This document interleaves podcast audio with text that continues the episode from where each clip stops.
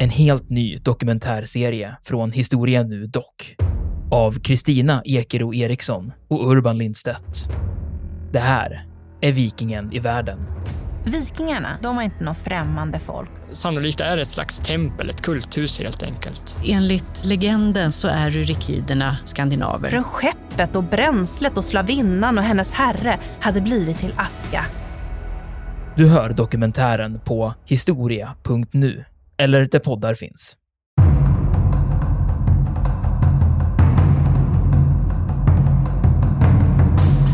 Samurajkulturen kommer att överföras på den japanska officerskåren i stor utsträckning. Jag tror inte att man är, eh, säger fel om man uttrycker det på det sättet. Så att samurajen och samurajvärdigheten och den kulturen kommer att in, in korporeras i den, den japanska krigsmakten. Samtidigt är det ju så att många samurajer uppfattar att nu är vi helt uteslutna. Alienerade, vi är utstötta från det japanska samhället. Våra traditioner och vår kultur är borta. Och därför så eh, blossar det upp samurajuppror, även bondeuppror ska, vi, ska ju sägas. När liksom samhället förändras så är det inte alla som kan acceptera det. Så det här är ju liksom en, en, en grupp som finns i det japanska samhället som spelar en roll långt fram i historien.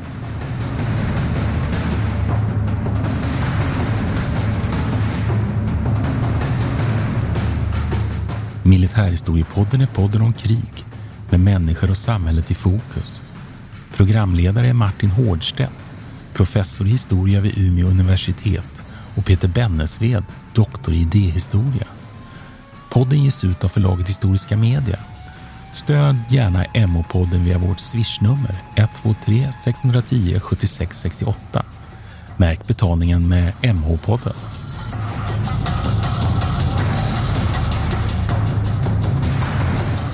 Ja, men välkomna till Militärhistoriepodden. Det här är Peter Bennesved. Och jag heter Martin Nordstedt. Och eh, idag ska vi prata om samurajerna.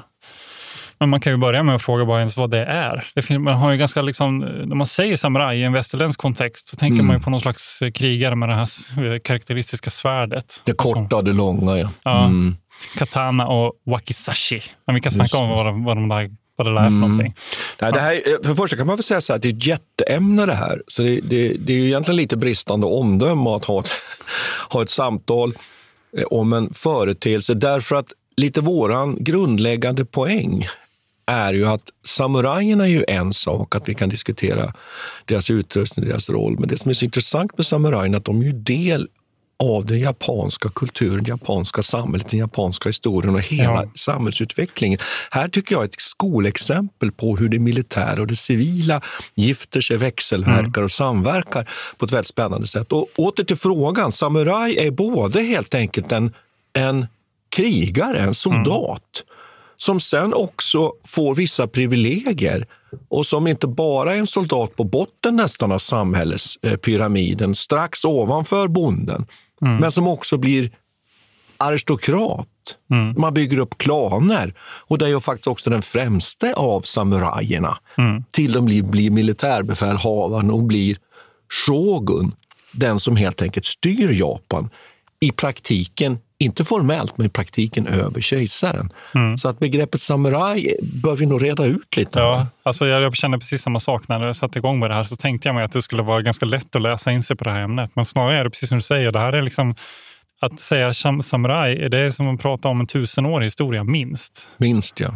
Och, och ännu tidigare egentligen. Vi går ju hela vägen bak till, till bara de första århundraden och sen, och sen vill vi ju gärna göra såna här, om man säger så, västerländska jämförelser. Mm. Nämligen att då, då tänker man direkt, eh, ja men är det här ungefär nu som en Karolin? Mm. Alltså, soldat... Ja, precis. Ja, man, skulle man kunna säga så? Att det här, alltså, om, om en, en, en japansk eh, militärhistoriepoddare skulle sitta och jag skulle göra ett avsnitt om karolinerna skulle man då... Han, alltså en Karolin är ju bara en soldat också. Så att säga. Det är inte, då skulle man, skulle man behöva prata om tusen år av svensk historia om man pratar om Karolinerna. Nej, det skulle man inte behöva göra för det, först, för det första definitivt inte. För att Karolina är ju per definition de soldater som ingick i den armé som byggs upp med det ständiga knäktehållet från Karl XI och som tjänstgör i Karl XIIs arméer. Men samtidigt är det ju bara en vanlig soldat och det är lite det, samma jo, det är det. Men jag, men jag, skulle ändå vilja säga att Karolin kan också sägas vara mer. Att det är på något, en, en Karolin Karolin. Man brukar ju ofta säga att eh, eh, eh överstelöjtnanten den och den, han var Karolin. Mm. Och då menar man också att han var också del av en viss, en viss eh, stridsanda, en viss krigsmannaideal. Så det finns ändå en liknelse? Det finns en viss liknelse, men sen ja. är det ju som, som, som alla förstår här, det handlar ju om några årtionden av svensk historia. Eh, men samuraj är någonting oerhört mycket mer. Mm. Mycket, mycket mer. Och eh, både soldat och riddare. Eh, man kanske ska reda ut då att samurajen också levde under, under vissa ideal. Mm. Med samurajvärdigheten, så småningom får man uttrycka att när den utvecklas, så kopplas ju också en, en, en hel räcka, ett paket av ideal. Shito, buddhism, ärlighet, rättframhet, mod. Mm. Mm. Och, och plikten, agiri. Plikten, ja. Alltså, och det är inte riktigt samma sak som, som eh, den västerländska varianten av plikt, utan här är det mer någon slags eh, samhällsanda, plikt, något, mm. någonting kopplat till någon större. Alltså inte bara min plikt eh, gentemot någon arbetsgivare eller så. Utan, men det, här, och det, det, det är spännande att det finns kvar det där. Att också det handlar om en plikt i, både upp, uppifrån och ner och nerifrån och upp. Att samurajen då ska agera ädelt och modigt mot sin befälhavare. Samtidigt ska befälhavaren också se till att ta hand om sina samurajer. Mm, ett tvåvägsförhållande ja, där. Precis, och det, och det ligger ju kvar. Det kan vara en liten, en liten avstickare. Det här ligger kvar fortfarande idag alltså i deras sätt att organisera sina industrier och företag till exempel. Att de har ju som en slags privat försäkringssystem i Japan. Mm. Där chefen, liksom den verkställande direktören, är högst ansvarig för sina anställda och ser till så att de har det bra och så vidare. Och, de har, eh, och det händer ju att de, de, det är ju skamligt när ens företag går i konkurs på ett helt annat sätt till exempel. Ja. För att man då inte kan eh, liksom, sörja för sina anställda. Och, så. och det där ligger kvar. Den här, mm. Och det är giri. Mm. Och det finns kvar fortfarande idag. Eh. Och sen tänker jag också på att det ultimata sättet för samurajen att, att visa den här lojaliteten, den är ju dels att, att vilket ju faktiskt inträffar så sent som på början på 1900-talet. Mm.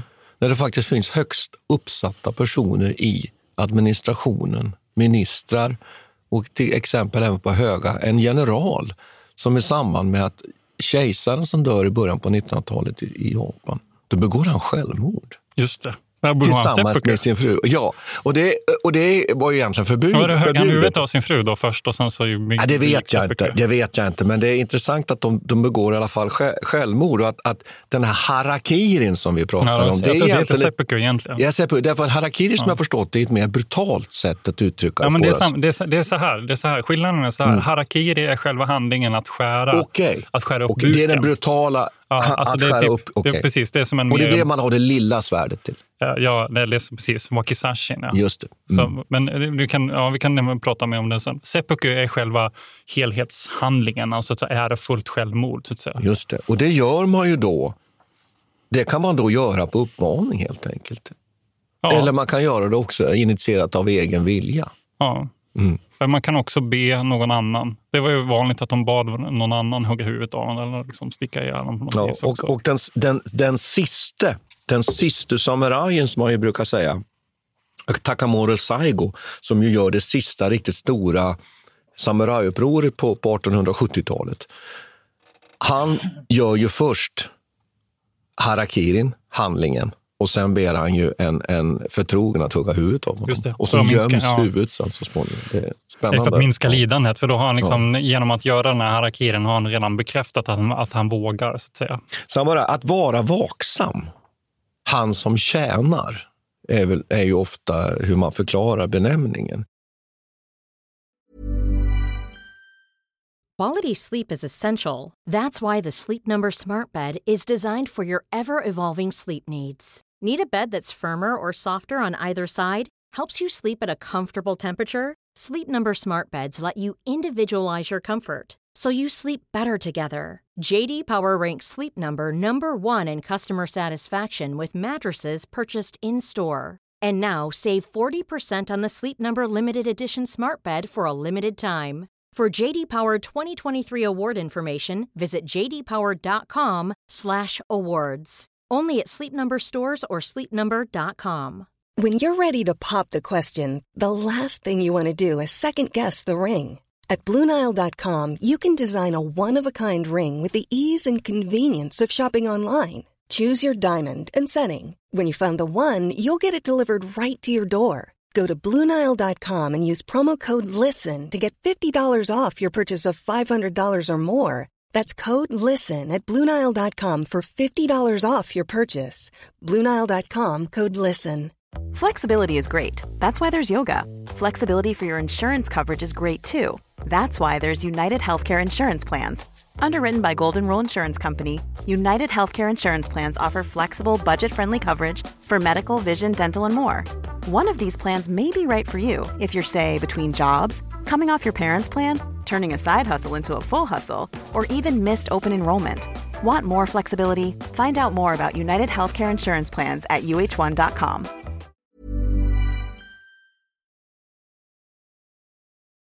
Men ska vi försöka med någon, med någon, med någon form av, av kronologi? Ja, jag ska tänker att vi ska försöka få, vi måste få någon slags överblick här. Mm. Men jag vet inte riktigt var man ska börja. Det, kan säga att det finns ju den här, från, från och med typ 800-talet så kan man väl prata om att det finns någon slags eh, samurajorganisation eller någon slags någon, en typ av samuraj. Då. Ska, man kan ju börja med att säga att för, alltså det här ordet samuraj använder man inte jättemycket utan oftast är det alltså ordet bushi. Eller Mm. bushi. och Samuraj är nästan ett västerländskt eh, perspektiv som vi använder. Det. Ja, och, det är alltså en, och det, bushi betyder egentligen bara krigare. Och det är Mm. därifrån vi får det här bushido som är krigarens Mm. väg, som är de här Mm. olika typerna av eh, stridskonsterna Mm. som de använder sig av. Men i alla fall under den här början av perioden, då är det egentligen inte heller de här svärdburna samurajerna som är centrala, utan det här är oftast en krigare till häst med båge. Ja, och det där är ju du intresserad av, bågarna. Att man, Ja. man, man har, det är alltså en kavallerist skulle vi kunna säga. Sen är det så att det finns samurajer som inte har råd med häst och utrustningen och de strider till fots. Men bågskyttet har mycket större, större roll, är mycket mer framträdande än svärdet. Och det har ju med metallindustrin Ja, då ska jag fråga dig en Ja. sak. Att, eh, samurajsvärdet är ju också i, i, som en båge.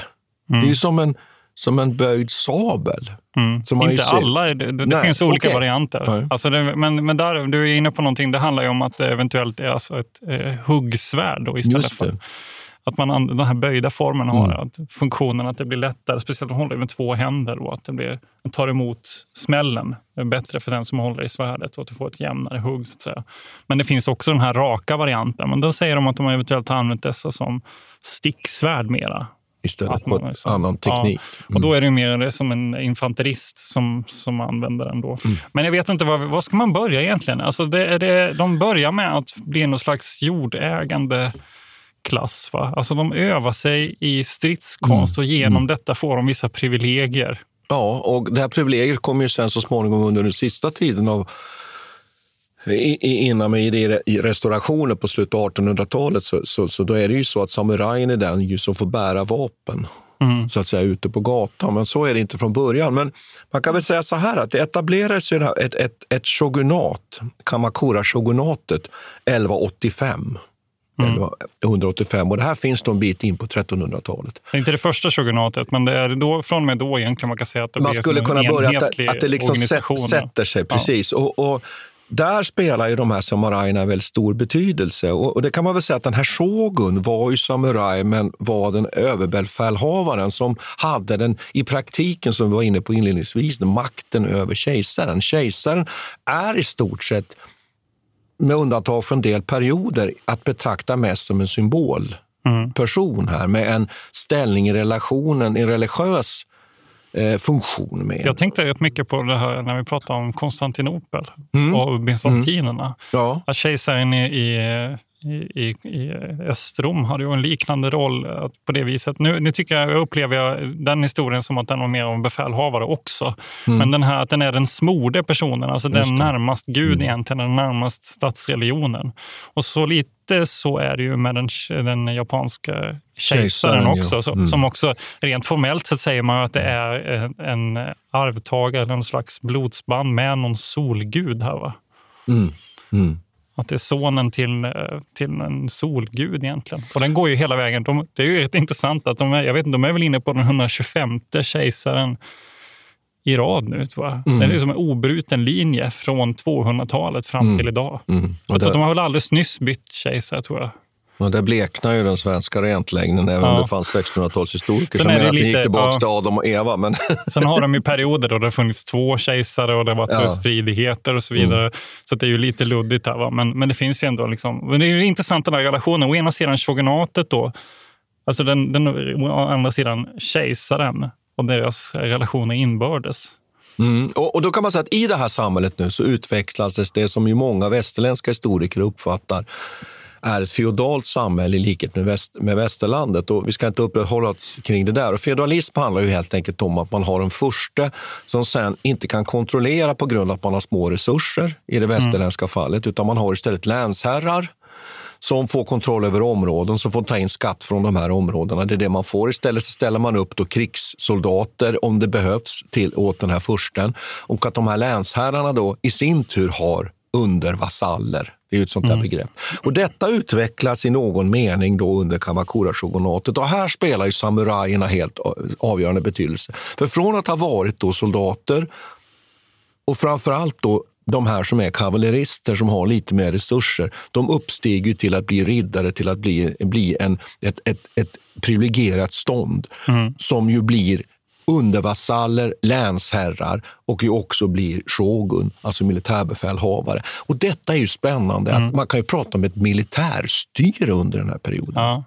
Men då vill jag lyfta in här, då har jag läst en eh, författare som heter, eller en historiker som heter Carl Friday. Han, mm. han pratar just om den här liknelsen mellan västerländska adelsklassen, den här riddarklassen och samurajerna. Och så säger mm. han att eh, å ena sidan finns det den här liknelsen, precis som du säger nu, att de, att de på något vis undervasaller eller så eh, och, och, har i uppdrag att så, ställa upp med soldater och eh, även sig själva så att säga, på linjen. Men att det här är också en, det pågår också en slags privatisering och det här påbörjades väldigt tidigt, alltså 1100-talet fram till 1300-talet, den här Kamakura-shogunatet att det är en slags privatisering av de här eh, japanska säga, centralmaktens ämbeten. Alltså de, mm. de, har ju, mm. de är väldigt, det är ett väldigt uppstyrt samhälle med mm. olika eh, departement om man ska, mm. om man ska ha en modern jämförelse. Och då är det så att de här olika samurajerna då får uppdrag, de får så tjänste positioner inom den här mm. centrala organisationen utifrån hur duktiga krigare de är. Ja, och återigen till militära här då, direkt ja. Jo, och det som är, precis, ja, det, men det är det som är spännande. Men de, mm. exakt. Så de visar att de, är an, alltså att de är lämpliga för de här posterna genom att vara duktiga krigare och, och som mm. upp, upprätthålla de här uh, idealen. Men det som också händer, som är så jävla spännande, är att efter ett tag så börjar de här tjänstemannapositionerna gå i arv. Just det. Så att det är vissa släkter då, alltså man kan jämföra vissa adelssläkter som i princip blir eh, associerade med vissa ämbeten inom den japanska centralmakten. Mm. Alltså det är som att eh, Folkhälsomyndigheten ska drivas av en släkt i 300 år. Fattar vad jag knäppt det var? Jo, jo. Men, men, men. Och, det, och det är det som är skillnaden då mellan mm. den här eh, västerländska jo, adels... att det inte eh, finns den här ja, arvs... Nej. Därför att arvs, arvskungadömet eller äh, värdigheten, den kommer ganska sen i västerländsk ja. tradition faktiskt. Det, men, jag, men jag tänkte att vi skulle klara ut några saker här. Shogun alltså är militärregenten, skulle mm. man kunna säga. Eh, och att kejsaren är i bakvattnet i stort sett fram till, till egentligen 1868. Det tycker jag för att nu generalisera. Mm. Och under shogun så har man då daimyo, alltså mm. länsherrar. Och under länsherrarna har man då samurajer. Så där har man så att säga hierarkin i det, i det japanska samhället. Var nu allting frid och fröjd? Nej. Under den här perioden så utkämpas ju nu ett, en räcka krig och konflikter mellan olika kraftcentrum i, i Japan. Eh, inbördeskrig i många olika omgångar. Eh, och här spelar ju naturligtvis samurajerna en avgörande betydelse. Mm. Och jag, jag, tänkte att man, man nu, nu, undrar ju många så här, hur många var samurajerna? Hur många var samurajerna? Och det kan ju vara intressant att veta här att Japan är ju tidigt väldigt, man är, har ju tidigt en stor, en stor befolkning och att mm. samurajerna är ju faktiskt ganska många. Man räknar med lite längre fram, om vi hoppar lite längre fram till 1500-talet säger man att det finns 20 miljoner människor på de japanska öarna. Mm. Ish. Och av dem så är två miljoner samurajer. Ja. Så det är ingen, ingen obetydlig siffra. Nej, det är inte det. Det är många som är soldater och har vapen. Och det, nu ska man i och för sig inte, de är inte lik, likställda allihopa de här två miljoner samurajerna. Utan nej, nej, utan de, de finns ju, som vi har sagt, i mm. hela den här hierarkiskalan. Och det är väldigt viktigt mm. att komma ihåg. Så att när vi ser en samuraj på film så tror vi att, det är en och, att alla samurajer har samma ställning. Men de finns alltså mm. längs hela den här, mm. vad ska vi kalla det för, sociala ja, hierarkiskalan. Precis, och mm. det, det, är någonting som jag har tänkt på när jag läste in mig på det här också. Att egentligen är den här termen samuraj, eh, den, den hjälper en inte riktigt för att förstå det här. För det som de, de eh, om man ska titta på den, den tiden de levde i så verkar de vara huvudsakligen mest intresserade av relationerna mellan de här olika klanerna eller mm, husen. Mm, mm, så det är mm. slä, olika släkten egentligen. Och vad som är väldigt centralt är ju vilken relation man har till shogunatet å ena sidan mm. och kejsaren å andra sidan. Mm. Och det verkar vara de här relationerna som är, som är alltså de som är mest centrala för dem. För det, för det ger vissa privilegier då. Att eh, ja, men om du är en samuraj under en annan eh, högre ställd samuraj så får du vissa, du kanske mm. får ett mm. större gods, du får mer mm. pengar att röra dig med och så vidare. Och liksom, kan leva ett flärdfullt liv och så vidare. Men om du då befinner dig inte i, i den sittande shogunatets gunst så kan du bli utkallad till landsbygden till exempel och bli en sån här daimyo som är en slags länsherre. Där mm, bort är, från hovet, bort ja, från bort centrum, från hovet, ja, ut på landsbygden. Så det är inte mm. så att eh, alla är, eh, går i linje med varandra heller, utan, här, utan det är väldigt, väldigt mycket konflikter och det är huvudsakligen de här olika släkterna emellan. Då. Ja, för det, och det, och det där tycker jag är viktigt det du säger, att samurajerna är inte så att säga en samhällsklass, om man använder det, som håller ihop. Nej. Utan istället är det de här konfrontation mellan olika mm. släkter. Och under den här perioden då, som vi pratar om nu, 1185 till 1333, då, så är det ju de här två familjerna som ju slåss om makten, klanerna, släkterna skulle man kunna säga. Det tai, mm. Taira och Minamoto.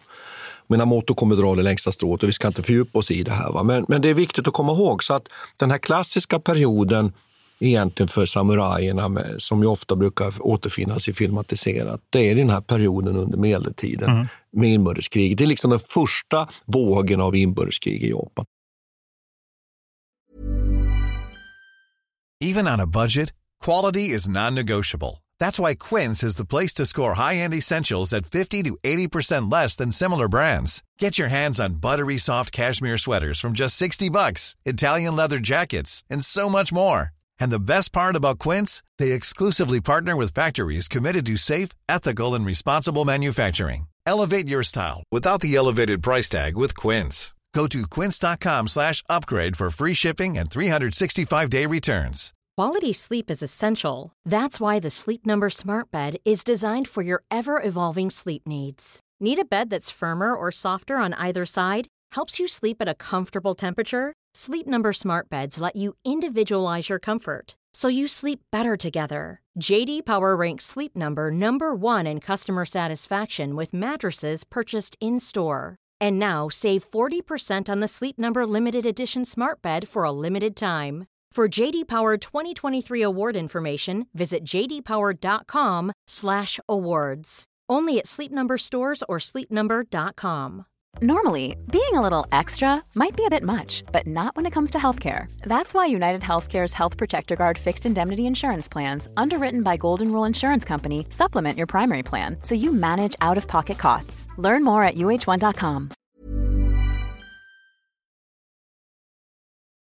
Men sen finns det en annan sak som jag tycker är spännande. Får jag bara fråga, ja. har du sett äh, Akira Kurosawas äh, De sju samurajerna? Självklart. Ja. Självklart, klassiskt och det vill vi ju uppmana, ja. eh, uppmana ja. lyssnarna att titta på det. Men det, det jag tänkte säga nu till dig, kanske jag förstörde någonting, du ville fort, men, men de mongoliska invasionerna kommer ju också här. Ja, det måste vi prata om också. Det är det jättespännande. Några, ja, det finns ju några sådana här strider som är... Men det, det mongolinvasionerna 1274, 1281, ja, precis, två gånger. Det kommer det två vågor här. Då är det Genghis khan som, som eh, som attackerar. Amfi amfibieoperation. Ja, alltså, precis. Och då tar de också hjälp av koreanerna egentligen. Först ja. underkuvar man koreanerna. Så, men mongolerna hade ju inte egna skepp egentligen. De var mm. inga, inga sjöfararfolk. Så, så därför använde de sig av... Och det kan man väl säga så här också, anledningen till att det här blir relevant då, det är ju att Japan är ju tätt sammankopplat med Korea. Det finns ju vissa, mm. Mm. Det finns ju vissa då som lite kontroversiellt påstår att den första kejsaren då har egentligen koreanskt ursprung. Mm.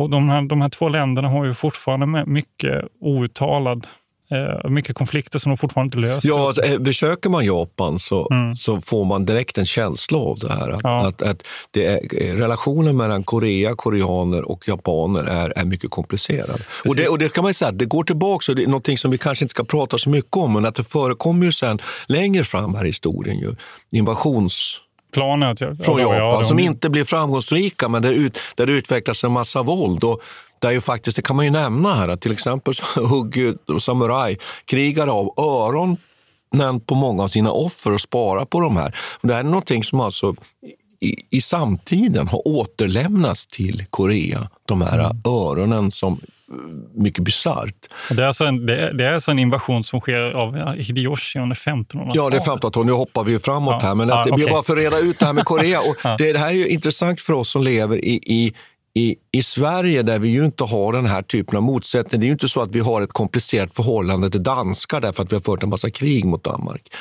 Det är nästan inte så att vi har ett komplicerat förhållande till ryssar heller. Egentligen. Nej, inte, inte ryssar som folk. Va? Utan, mm. utan Kanske man kan finna det lite i Finland i relationen till ryssar. Mm. Möjligtvis, men vi ska, det, det, det, är ju en annan boll här. då. Va? Men, mm.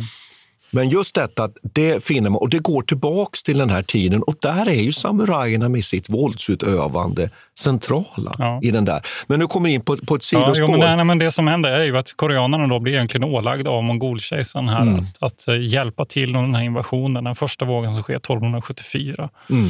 Och det här är ju en, egentligen den första gången som Japan som helhet egentligen eh, samlar sig inför ett yttre yttre hot. Ja. För att innan, dess, innan den här eh, perioden så, så är man huvudsakligen upptagen med liksom inbördesstrider. Mm. Och kan vi säga lite, om, lite om geografierna också och lite därför jag ville prata om Korea med. För att Korea ligger egentligen närmst. Det finns ett par öar på väg mot Korea som mm. ligger på ett mm. ganska långt avstånd. Och Det är detta också som har gjort att eh, Japan har varit hyfsat isolerat. Mm. För att det är tillräckligt långt för att man ska kunna reglera den här handeln som sker. Så den huvudsakliga kontakten mellan eh, Korea och fastlandet så att säga, och Japan sker via den här södra ön Kyushu. Mm. Som ligger, liksom, det är den som är första handelsstationen egentligen. Det är också hit som portugiserna kommer sen under 1500-talet.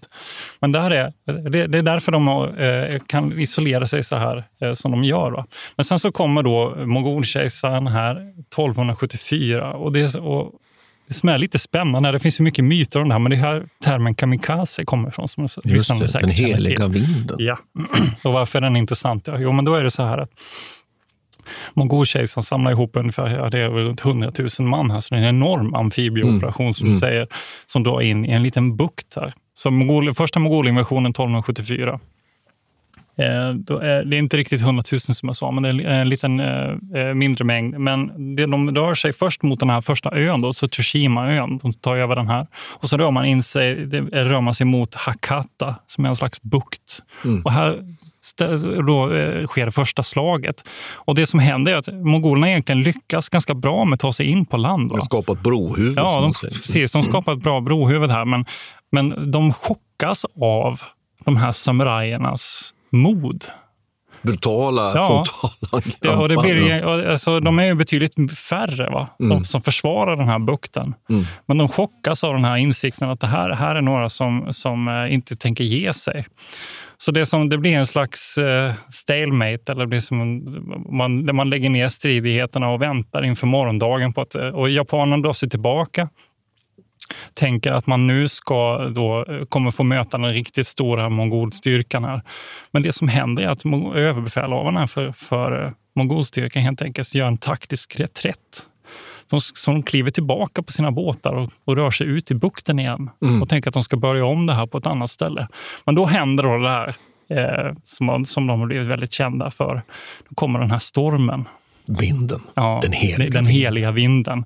Och, och gör att de här båtarna helt enkelt sjunker och de förliser.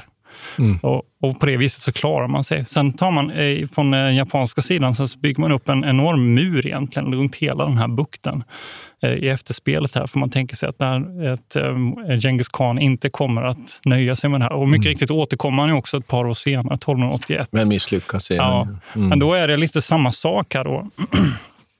att eh, på vägen, då är det en betydligt större styrka, då har man runt 100 000 med sig. Men då är det på vägen in egentligen som, det, här, som det bildas en stor storm som helt enkelt gör att ja, hela, hela företaget misslyckas och de, de flesta, den större eh, andelen dör. Mm. Men det här är första gången som, eh, och det är väl lite felaktigt egentligen att säga att det är samurajernas största stund. Å ena sidan är det ju det, för det är första mm. gången som mm. nationen som helhet, om man nu kan tala om en nation, H, ja, här, eller liksom Japans, en, ja. Japan som helhet ja. möter en fiende. Och mm. de här samurajerna har ju legendariskt fått en, liksom en, en viktig roll i det här. Men det är ju inte riktigt heller deras förtjänst. Va? Men det här ordet kamikaze som kommer från heliga vinden har man ju sen återanvänt som en slags... Återanvänt. Ja. Och det kan vi, vi ska komma tillbaka till det där. Sen, sen, kan vi bara reda ut att den här Kamakura-shogunatet som vi nu pratar om har ju sin, sin bas i Kamakura, alltså inte i, i, i eh, eh Kyoto eller ens i Tokyo, Edo.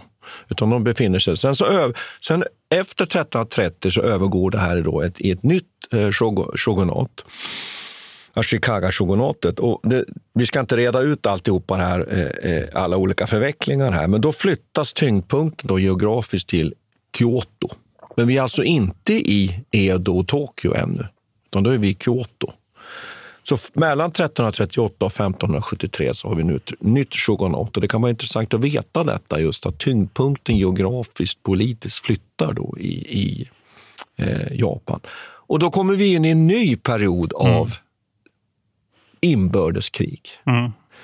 Eh, det är ju samurajer och det är också under vissa perioder till och med så att det finns alltså, eh, när, när så att säga, den här eh, centralmakten, shogunatet, liksom tappar kontrollen över, under perioder över Japan, ja, då har man hundratals sådana krigsherrar som, som finns över hela över hela Japan. Och viktigt också att komma ihåg att i de mest avlägsna delarna av Japan, där har man ju daimion som man egentligen inte har kontroll över. Det är viktigt att presentera det här tycker jag.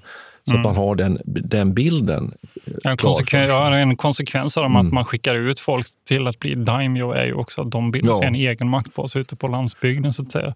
Och det blir ju ett stort problem för den här centralmakten då, att man upp, upp, alltså det blir en slags konflikt mellan stad och land mm. som de blir mm. tvungna att hantera. Så att från 1467 och framåt så pågår det då återigen inbördeskrig i, i Japan. Och det blir ju ingen ordning och reda egentligen på Japan kan man ju säga förrän vi kommer fram till, till det här som kanske är den klassiska perioden egentligen då. Japansk, det är ju Tokugawa-shogunatet. Eh, och det är vid början av 1600-talet. Men jag tycker så här, innan vi kommer fram till Tokugawa-shogunatet så samurajen och samurajens beväpning. Mm.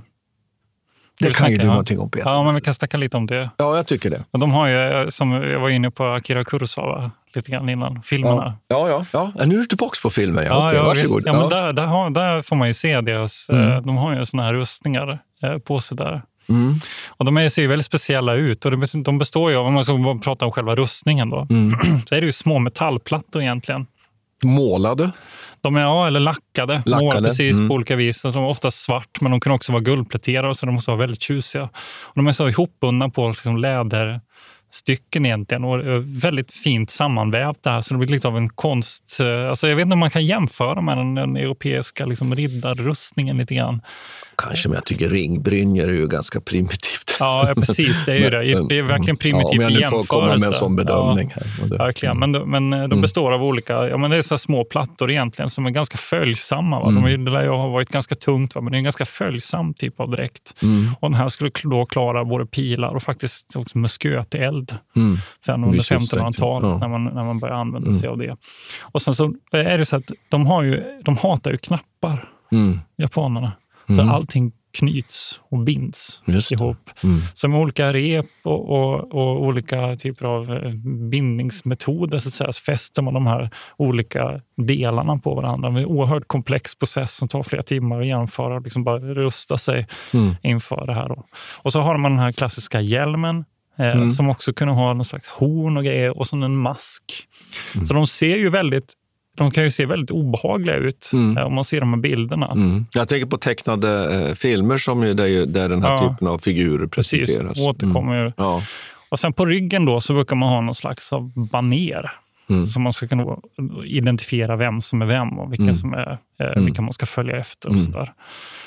Ja, Som man givetvis inte vill bli av med och, och så, som man måste skydda. Så där. Men sen är det ju deras beväpning då som är eh, omstridd. Ja, eller det, det beror på lite. Å ena sidan har man bågen. Då. Det är egentligen bågen som är det mest centrala. Men de här har man inte så många kvar av. För av naturliga skäl så, så, eh, så försvinner ju, eh, eftersom de är gjorda av trä och sån, det material, material som liksom försvinner ja, Du tänker att de inte blir kvar till Nej, eftervärlden? De har inte, precis, Nej. de har inte blivit kvar till mm. eftervärlden. Så vi vet inte, eller man vet inte lika mycket om dem i alla fall som man vet om, om de här kända japanska svärden, så katana. Mm. Mm. Och katana är egentligen bara ett svärd, men, men alltså, ordet betyder bara svärd. Det finns mm. väldigt många olika varianter av den här. Så vi kan inte rabbla hela. Men de, de, som är mest kända är den här katana som är lite längre och sen den här wakizashi som är kortare svärd egentligen. Och det betyder egentligen, wakizashi och katana betyder ett litet, ett litet svärd som man sticker i sidan. Det är det termen betyder. Harakiri. Ja, och eh, normalt sett är det väl så att man använder sig av mm. wakizashin då när man ska utföra seppuku till exempel, men mm. används ju också i strid då, att man ska sticka den på olika vis. Då. Och sen är det katana som är lite välvd, så mm. den har en liten svag böjning där. Och sen är det ju frågan om det här var menat då som ett kavallerisvärd eller om det är ett sticksvärd. Men det används ju på, på båda sätt. Mm. Men, det, men det, är lite, det är lite vanskligt att säga att de har sett ut likadana. Va? Alltså de har varit likadana över lång period, för det har de inte. De har utvecklats väldigt mycket, men själva stridstekniken tycks ha varit ganska samma. Mm. Att man har liksom fortsatt med det. Ja, men sen är det den här bågen som jag tycker är väldigt intressant. Vi kan prata mer om. Ja, du går alltid loss på ja, bågen. Ja, jag vet. Jag vet men, det är efter att jag prövat lite bågskytte själv.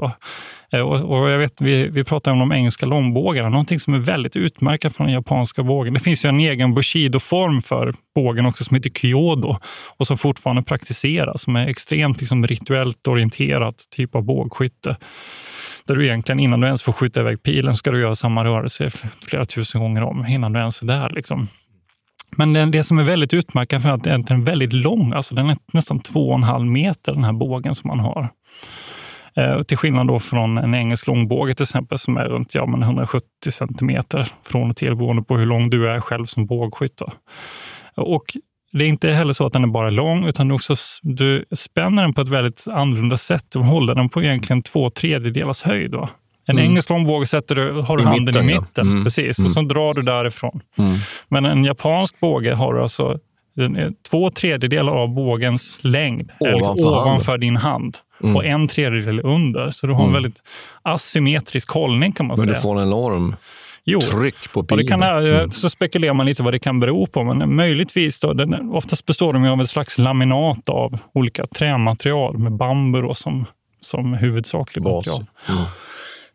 Men eh, eventuellt så kan det här bero på att man helt enkelt tar hela, eh, hela träd, alltså unga träd. Eh, som, och då de är ju de lite ojämna om man säger, om du tänker på mm. liten, vad, vad heter liksom ett ungt, ett ungt träd? Ja, jag tänker sly, men det ja, känns men ju ungefär. lite... Ja, men, ja, men sly då. Jag har lärt mig att upp till åtta centimeter. Ja, men, S, äh. exakt. Ja, men tänk liksom små sly egentligen. Och då är de lite grövre ju mm. längre ner då. Beroende. Och att det, att det är därför ja, det blir så? Okay. Precis, för, mm. för man använder man egentligen hela liksom, trästammen. Då. Så det, finns ju, mm. det finns olika sätt att framställa. Å ena sidan kan man hacka upp en större stam. Så då blir ju kraften ner Lite, den blir lite, Därför att ja, där är den tjock och där precis, uppe... Och, det och så blir den lite. Ja, och har du, också en, har du en båge som är liksom i ett stycke, så att säga, mm. som inte är mm. laminat, mm. då måste du vara lite grann försiktig med när du spänner den så att den inte går av. Så därför, eventuellt är det detta som har då gjort att man har det här den här mm. långa formen på den. Men det är faktiskt jäkligt smart. Alltså man har testat det här. Och man har upptäckt att om du håller, då, om du släpper strängen på en båge mm. eh, så uppstår en viss vibration va? Mm. i själva stockarna, eller själva mm. bågen. Liksom. Mm. Och vibrationen är egentligen värst längst ut på topparna, eller i ändarna och i mitten där den mm. engelska bågsky bågskytten skulle hålla. Och den är som mildast precis på två och en tredjedel och två tredjedelar så att säga. Det blir att handen påverkas, ja, skytten påverkas inte av kraften på samma exakt. sätt. Mm. Så du får, ett, du, får ett stabilare, du får en stabilare reaktion så när du släpper den. Så eventuellt skulle det kunna påverka liksom din prickfärdighet. Eller så att säga, ditt, för det är väldigt känsligt mm. när du släpper, mm. att du inte reagerar med handen. så att säga. Att du inte flytta den på något sätt mm. utan hålla liksom stabil mm. så här för att pilen inte ska flyga iväg. Men, men efter det här, nu får jag ju säga extrema excessen i, i bågar. Ja. men också, jag, vill säga en, ja. jag vill säga en gång till, en till också. Alltså, någonting som är annorlunda med, med eh, Japan är också att eh, i resten av Asien så är det väldigt vanligt med kompositbågen där man använder sig av eh, hornmaterial och senor och blandar okay. detta med trä. Eh, och som är liksom välvlar lite grann fram, framåt när man spänner dem. Så här. Men den, den, liksom, blir aldrig populär i Japan, utan man fortsätter med de här 2,5 meters bågarna. Så, som är väldigt, och sen en, en sista grej med att man märker sina pilar med namnet. Och detta gör man alltså för att man ska kunna identifiera vem som har dödat vem. Ja, bisarrt. Men så ja, visst, visst är det. Visst är det visst men, det, eh, men sen ska vi bara lägga till eh, också att man ju också för lans, en lans. Så det mm. finns flera vapen här. Vi ska inte fördjupa oss mer i det där. Jo, de har sköldar och grejer. Sköld, ja. Men lite det här. Ja. Men det var ju fa fascinerande Peter. Du går ju alltid igång på bågar, så ja. det är så otroligt roligt. Jag skulle vilja testa Kyoto. Det finns bara några, några få klubbar i Sverige mm. faktiskt. Som, det finns i Uppsala och Stockholm. Kanske något som skjuter det här? Ja, som, som, som ja. prövar. Jag kan säga, det, får du, det där får du inte med mig på. Du får med mig på mycket, men inte på det där. Men det jag skulle säga, det man kan säga nu är ju att, att Eh, efter den här oerhörda politiska röran, där mm. samurajerna spelar en stor roll i krigföringen, så lyckas 23 personer, aktörer, individer så småningom här samla Japan igen under ett shogunat. Någorlunda ska väl tilläggas, för det är fortfarande så att man, man är politiskt eh, i viss mån ändå splittrad, utan det här är ju sedan en process. Att man kan väl bara säga så här att 1603 så skapas det så kallade Tokugawa-shogunatet. Och det är ju den, kan man säga då, eh, politiska formation som finns ända fram till det att faktiskt eh, så småningom då eh, Meiji-restaurationen kommer och, och kejsarvärdigheten på allvar i praktiken ju får den politiska makten. Så vi kan väl säga några saker. Och här händer ju någonting nu väldigt spännande. Efter då perioder av mycket krig och strider där ju samurajerna haft en enormt stor betydelse som krigare, så kommer nu plötsligt samurajerna i fredstid, om man uttrycker sig så. Då. Med undantag för att man ju bedriver en del utrikespolitisk eh, krigföring, bland annat i Korea och så vidare. Så, så blir de här samurajerna inte bara krigare längre de separeras från jorden. Det vill säga att de blir inte jordbrukare längre, mm. utan de hamnar på olika borgar. Vi kan väl också säga att det är nu som Edo, Tokyo, blir centrum för den politiska makten i Japan. Och är, det, är, det, är det nu som de blir ålagda att komma tillbaka? va? Alltså de måste vara... Ja, alltså daimyo ja, som, då, som finns ute, ja. länsherrarna, de måste bo då halva året eller hela delar av år, varannat år i Tokyo. Och familjerna måste stanna. Och det är därför att shogun vill ha kontroll. Det är ju gisslan. Mm. Fruarna och, och familjerna är ju gisslan. Och I de här borgarna nu så samlas då samurajerna och de får, blir betalda. Så man kan säga att de blir en form av legosoldater. Så tror jag att man skulle kunna uttrycka det. Och frånkopplade från jorden. Och Det är ju lite spännande. Och att de här samurajerna nu också övergår till att sysslar faktiskt i många fall med kommersiell handel, vilket ju egentligen är emot samurajens mm. ideal. Men också att de blir eh, civila ämbetsmän i den japanska staten. Mm. Så att här, här förskjuts nu samurajens krigar alltså att det är det man är, krigare, att man är den här mm. militära kompetensen och resursen till att bli så mycket annat. Mm. Eh, och Det är också under den här perioden som ju eh, samurajen är den som har rätt att bära vapen.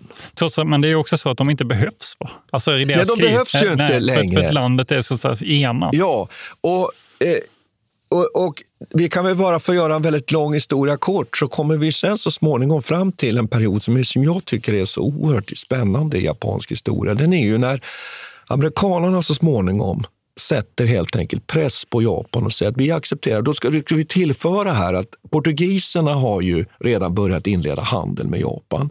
Det finns ju en, en, en kristen eh, population i, i, i Japan också mm. faktiskt. Som ju hanteras på lite olika sätt under olika perioder. Det är också intressant att med, med, med portugiserna kom ju handeldvapnen. Mm. De introduceras och är jättespännande. Det tycker jag att man kan göra en utvikning om. att där, När musköten kommer på 1540-talet så överlämnas det en musköt mm. enligt om man nu kan belägga detta historiskt eller om mm. detta mer är att betrakta som en berättelse. Och när den här portugisen sen så småningom kommer tillbaka, ja, då har man producerat ett enormt antal musköt. Mm. Typiskt japanskt att ta till ja, sig att de är så skickliga på att... Skickliga ja. på, det ser vi ända in i vår egen tid. De kanske inte gör uppfinningen, innovationen, mm. men de sätter den i praktiken. Och här men samtidigt är de, också, men de är också kända för att eh, så, så isolera sig på det viset. Det är lite dubbelt också. För ena sidan så bestämmer man ju att eh, man inte mm. vill ha någon kontakt med, med portugiserna till exempel. Att man, som, de tar det de vill ha Ja. Och sen så bara så stryker de resten kallblodigt och, och stänger dörren. Och då säger jag så, ja. är det så de gör ännu idag? Är det, är det, är det, är det typiskt för det japanska samhället idag? Nej, det tror jag inte att det är på det sättet riktigt än i, i, idag. Men ja. det är spännande att man kan se, då, som historiker har man alltid fördelen att man kan titta på nuet bakåt och se, mm. finns det förklaringar? Men det här tycker jag är, är, är väldigt spännande. Sen händer ju någonting när amerikanerna kommer och sätter press på japanerna och helt enkelt använder kanonbåtsdiplomati och lite enkla ordalag det är ju den här eh, amiralen Perry som säger helt enkelt så här att eh, öppna era hamnar, inled handel med oss, annars skjuter vi sönder era hamnstäder. Det är ju egentligen enkelt uttryckt på det mm. sättet. Och då från japansk sida så agerar man ju så spännande. Då, genomför, då inser man, ska vi sluta oss? Ska vi slå tillbaks? Vi kommer leda nederlag. Nej, låt oss istället nu utveckla det japanska samhället. Om man nu kan säga att de tänkte, tänkte på det sättet. Jag mm. lägger ju liksom lite nu orden eller tankarna i deras mun och i deras huvuden. Här. Men, och det man gör är att man börjar utveckla den japanska staten. Shogun för, förs åt sidan, det gamla Tokugawa. Mm. Bort. In med en ny regim. In med, med kejsaren. Nya män tar över makten. Och man genomför den så kallade Meiji-restaurationen. Kommer Och här nu kommer ju någonting väldigt spännande, Peter. Det här, det här tycker jag är så spännande. Man skickar alltså högt uppsatta personer i den japanska staten åker till västerlandet, till Europa för att lära sig. Och bland annat så kommer man till Frankrike i samband med fransk-tyska kriget 1870-71.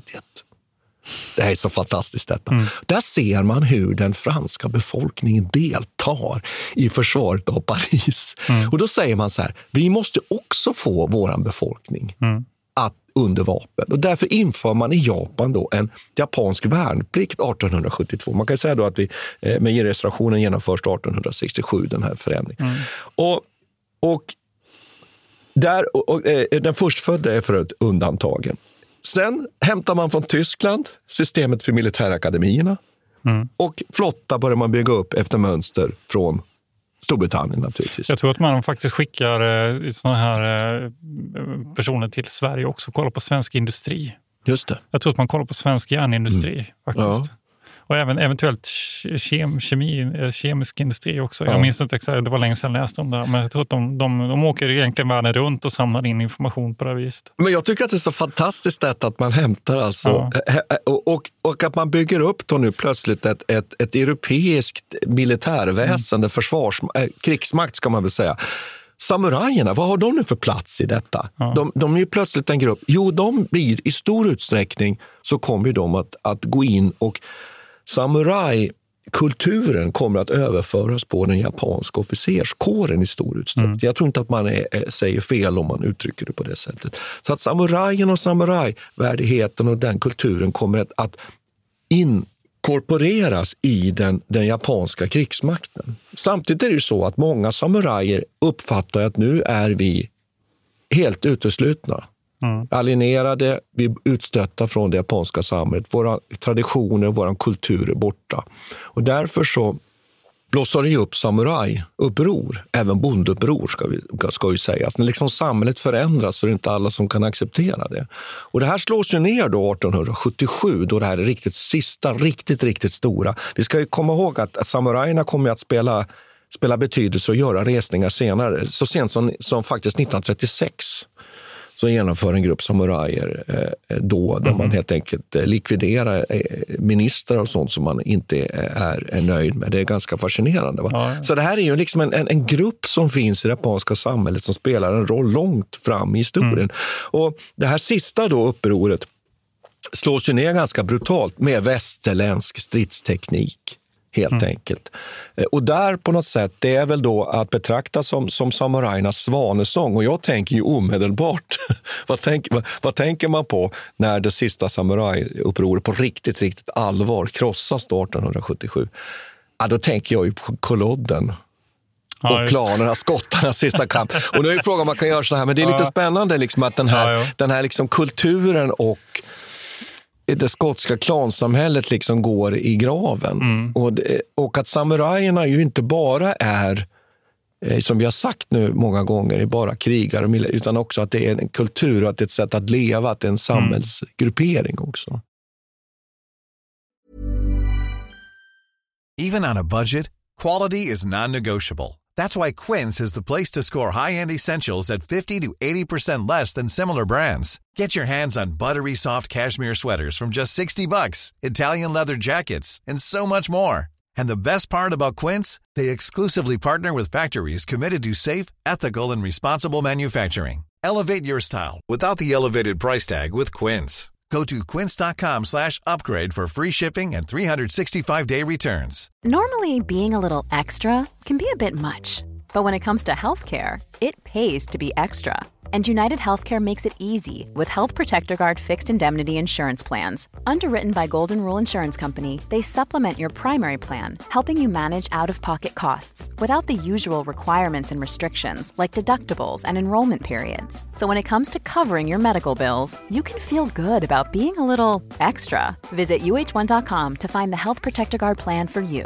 Mom deserves the best, and there's no better place to shop for Mother's Day than Whole Foods Market. They're your destination for unbeatable savings, from premium gifts to show-stopping flowers and irresistible desserts. Start by saving 33% with Prime on all body care and candles. Then get a 15-stem bunch of tulips for just $9.99 each with Prime. Round out Mom's menu with festive rosé, irresistible berry chantilly cake, and more special treats. Come celebrate Mother's Day at Whole Foods Market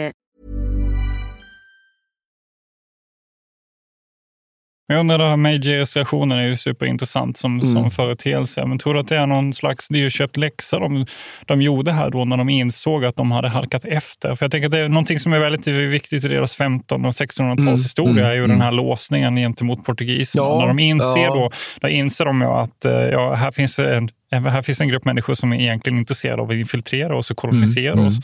Och där man tar, så säga, man tar ju upp med sköterna och det. Och, och man annat, vänder sig, ska jag säga. Ja, men vi är ju militärt intresserade framförallt. Här mm. men, men det man också man säger är att de får bara bedriva handel från egentligen en hamn i, i den här ön Kyushu. Och sen får ja. de skicka en gång per år så får de skicka tributer till shogunatet i Edo. Mm. Och, men det är bara det. Det är det enda de får göra. Mm. Och, och, det är ju förbjudet att vara kristen. Mm. Man jagar ju efter folk som, jo, som jo, eh, förföljer, och, ja, förföljer dem mm. och mördar. Alltså, mm. De är ju extremt, eh, på det viset isolerar de sig eh, väldigt mycket under den här perioden. Och jag, mm. jag, det måste ju vara någon slags reaktion på det också, att man inser att det där var ett fel, felaktigt beslut i någon mening att så, isolera sig under mm. den här mm. perioden. Men mm. att man kunde göra det då, man var fortfarande så tekniskt mm. jämbördiga på något plan i alla mm. fall. Men det här är en sån där fråga som historikerna mycket har funderat lite omkring. Det märker man när man läser litteraturen kring mejerirestaurationen. Alltså hur medvetet är det, eller, eller man är helt enkelt väldigt Eh, eller tvingas man tvingas det här fram? Det är du ute mm. efter just alltså hur man förhåller sig till omvärlden. Men det är oerhört fascinerande hur man reagerar, som vi har sagt här. Att man mm. skickar ut, vill lära sig och, och suga upp Mm. och införa nu plötsligt en modernisering av det, det, japanska samhället i den meningen att man då följer det som man ju ser ligger längst fram utvecklingsmässigt i modernisering, nämligen väst, västerlandet. När det gäller undervisning. Men vi ska komma ihåg att fortfarande finns det ju kvar de här gamla hierarkierna och fortfarande än idag, mm. som du var inne på i början när vi pratade om att fortfarande är det så att det finns en sån här enormt hierarkiskt förhållningssätt. Mm. mellan överordnad och underordnad. Ja, de har ju enorma problem på sin arbetsmarknad på grund av det. Då, för att du i princip alltid blir anställd för livet. Ja, Alltså de har, det finns noll flexibilitet i deras arbetsmarknad. det är någon sorts samurajer som man har på, på, på industrigolvet om man uttrycker så. Eller i alla. Ja, eller, alltså, ja. deras finansiella elit har ju ja. också kopplingar till de här ja. samuraj. Alltså, det är ungefär samma sätt som vi har adels, gamla adelsklasser Ja, och, och det lever kvar. Och, och, jag menar att vi, vi ska inte fördjupa oss i det här, för det, det känns ju som att det, vi brukar ju vara ganska duktiga på att lansera nya avsnitt medan mm. vi håller på med ett avsnitt. Det är klart att det här skulle vi kunna ta, vi kommer att komma in på det här när vi ska vi når fram till, till Stilla havskriget i vår andra världskrigsserie. Ja. Men jag tycker att jag, jag kan ju bara säga så här, jag var i Tokyo för, för ett par år sedan och besökte det, krigsmuseet eh, i, i Tokyo. Mycket intressant eh, mm. upplevelse. Och jag ska kanske berätta mer om det vid något tillfälle, för jag gjorde en analys där. Och där lyfts ju fortfarande fram den här kamikaze-företeelsen. Mm. Som för mig, med min utgångspunkt, eh, jag säger inte att en japan tänker på det sättet, men ändå blev jag väldigt fundersam kring det här rummet. Det finns ett rum där man presenterar kamikaze-piloter och deras sista brev hem mm. till sina nära och kära. Den heliga vinden. Mm. Eh, och där man på något sätt ändå ur mitt perspektiv ju heroiserar och lyfter fram en företeelse som vi ofta uppfattar som problematisk. Mm. Och där har vi ju också den här samuraj-anspelningen, en japansk officerare med ett svärd. Och vi ska kanske komma tillbaka till det, King-massakern och så vidare. Mm. Måste... I, Kina. Ja. Och, och, och, och, där att den här brutaliteten och den sätt som, som, som japanska upp, eh, eh officerare uppträder finns det, tycker jag, en obehaglig koppling, mm. om vi inte ska prata om någonting negativt med den här samurajkulturen. Mm. Och det har vi anledning att komma tillbaka till, tror jag. Mm. Verkligen. Ja, jag tycker att det här var... Jag undrar, alltså, om man får vara lite självkritisk här, Martin. Mm tog vi lite vatten över huvudet. Med tog vi oss vatten över huvudet? Ja, det nej, skulle jag vilja säga det gör vi egentligen varje ja, gång. Jo, det nej, men, nej, men jag, som vi återknyter till den diskussion vi hade precis i mm. början här, att, att uh, det är så himla svårt egentligen och att prata om något, alltså mm. ett entydigt koncept som är samurajen, som lyssnarna säkert förstått nu också. Mm. Det finns, det, egentligen, nej, det finns inte mm. en samuraj. Det finns inte, inte, alltså jag vet inte ens om den termen borde användas. Nej. Egentligen. Nu är vi kanske så överdrivet akademiska och det är ju inte säkert att lyssnarna vill, vill eh, eh, lyssna på vårt hårklyveri och vårt nördande, nördande. Men visst är det så. Men jag tycker att det var väl det som var lite poängen med det här, just att, att det här samtalet, att vi diskuterar just den här företeelsen. Eh, och, och, kanske att lyssnarna har fått en liten annan syn på, på vad samurajen och samurajkulturen och samurajen i den japanska historien, den japanska kulturen. Mm. Så kan man väl säga. Är, vi nöjda? Ja, jag tycker det. Jag tycker att det med, med, med löfte om mera. Det finns ju mycket. Med löfte om mera? Ja, nej, men det här med, med... Eh, jag tycker det är intressant det här som du pratar om. Eh, andra världskriget, vad som händer i Japan. Ja. Rysk-japanska kriget 1905. Ja, och vi kan väl locka lyssnarna med att framåt här nu under höst och över jul så kommer ju avsnitt bland annat med, får vi vinka för, om Falklandskriget. Mm. Vi ska prata om Balkan. invasion av Balkan, Kreta. Kurt Student som hoppar över Kreta. Mm. Och vi ska också prata eh, nu säger jag indiankrigen, vilket är en mycket problematisk term, men vi ska mm. prata Little Big Horn också. Och Bofors luftvärnskanon. Vi får se om lyssnarna... Så håll ut! Ja, okay. håll ut. Ja, och tack, tack, tack ska vi ha och tack tacka till lyssna. Vi tackar Peter Bennesved och Martin Hårdstedt. Kontakta gärna Militärhistoriepodden via mejl på militarhistoriepodden historia.nu. Peter och Martin vill gärna få in synpunkter och förslag till programidéer.